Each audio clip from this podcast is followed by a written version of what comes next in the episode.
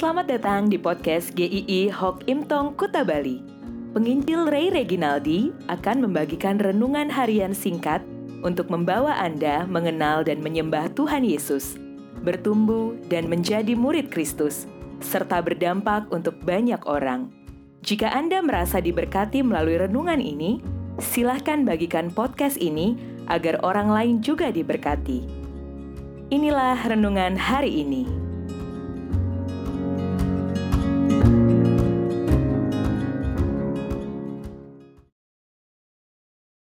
Jangan kecut dan tawar hati. Yosua 1 ayat 9 Bukankah telah kuperintahkan kepadamu, kuatkan dan teguhkanlah hatimu, janganlah kecut dan tawar hati, sebab Tuhan Allahmu menyertai engkau ke mana pun engkau pergi. Sudah satu tahun lebih kita ada di masa pandemi, tetapi belum ada tanda-tanda bahwa virus ini akan segera lenyap pandemi ini akan segera berakhir. Bahkan kondisi menyedihkan kita lihat di India. Ratusan ribu orang bisa terkena virus COVID dalam sehari. Ribuan orang meninggal dalam hari yang sama. Tempat kremasi kewalahan.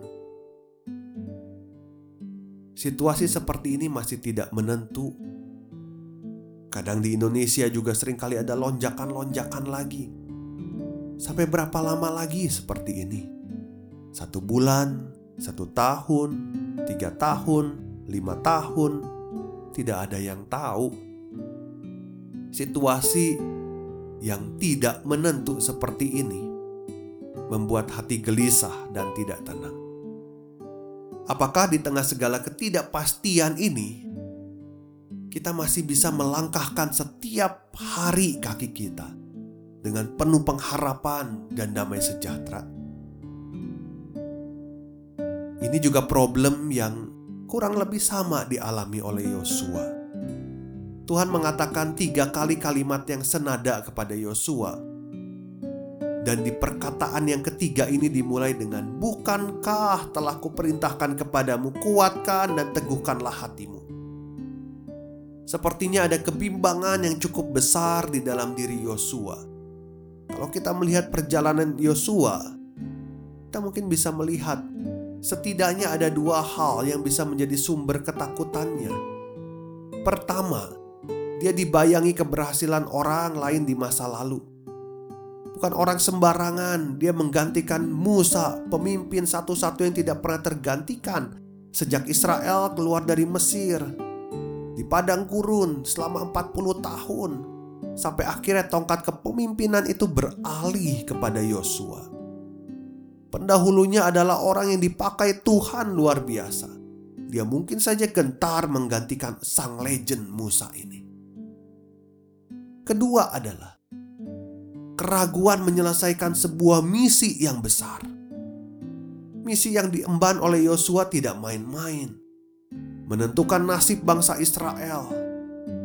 Dia akan memimpin bangsa Israel masuk tanah perjanjian, tanah Kanaan, tanah Kanaan yang selama 40 tahun sudah dinanti-nantikan orang Israel. Bisa saja dia berpikir, aduh berhasil nggak ya? Ini misi besar banget buat saya. Saya kayaknya nggak sanggup nih. Banyak hal dia tidak tahu Seberapa kuat, seberapa tangguhnya para militer orang Kanaan. Melihat perjalanan hidup kita dari sisi kekuatan diri sendiri. Kemudian membandingkan dengan situasi yang tidak menentu. Itu akan selalu menakutkan. Karena kekuatan kita sesungguhnya hanya terletak pada Tuhan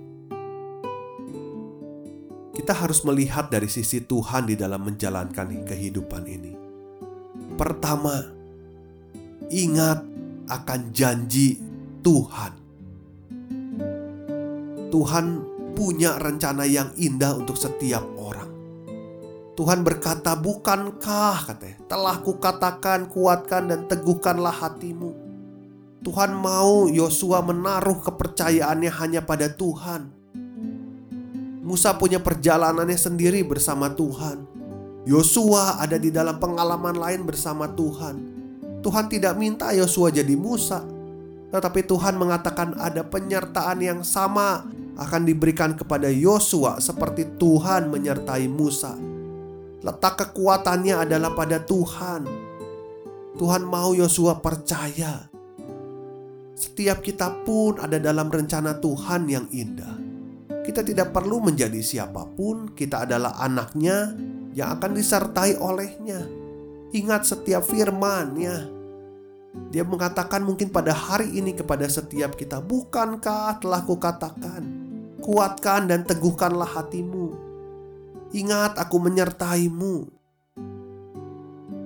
Yang kedua adalah kita menghadapi masa depan ini bersama dengan Tuhan. Kita tidak berjalan sendirian.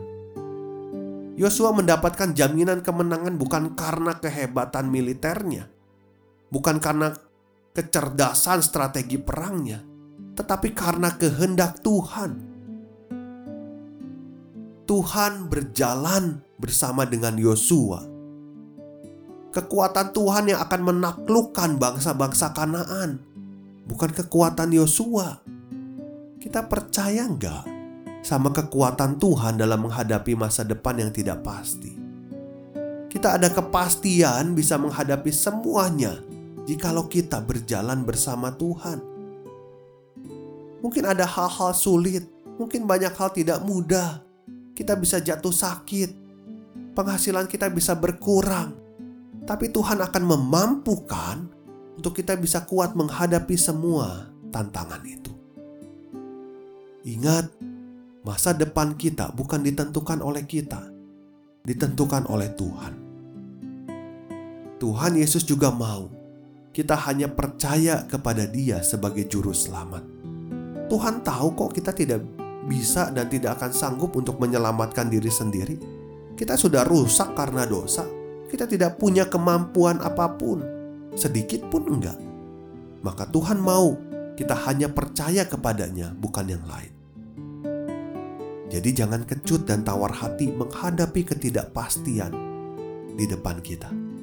Karena kita berjalan dengan kekuatan Tuhan, kita menghadapi masa depan tidak pernah dengan kekuatan kita. Mari langkahkan kaki kita bersama setiap hari dengan keyakinan saya melangkah bersama dengan Tuhan. Sampai jumpa di episode selanjutnya. Tuhan memberkati.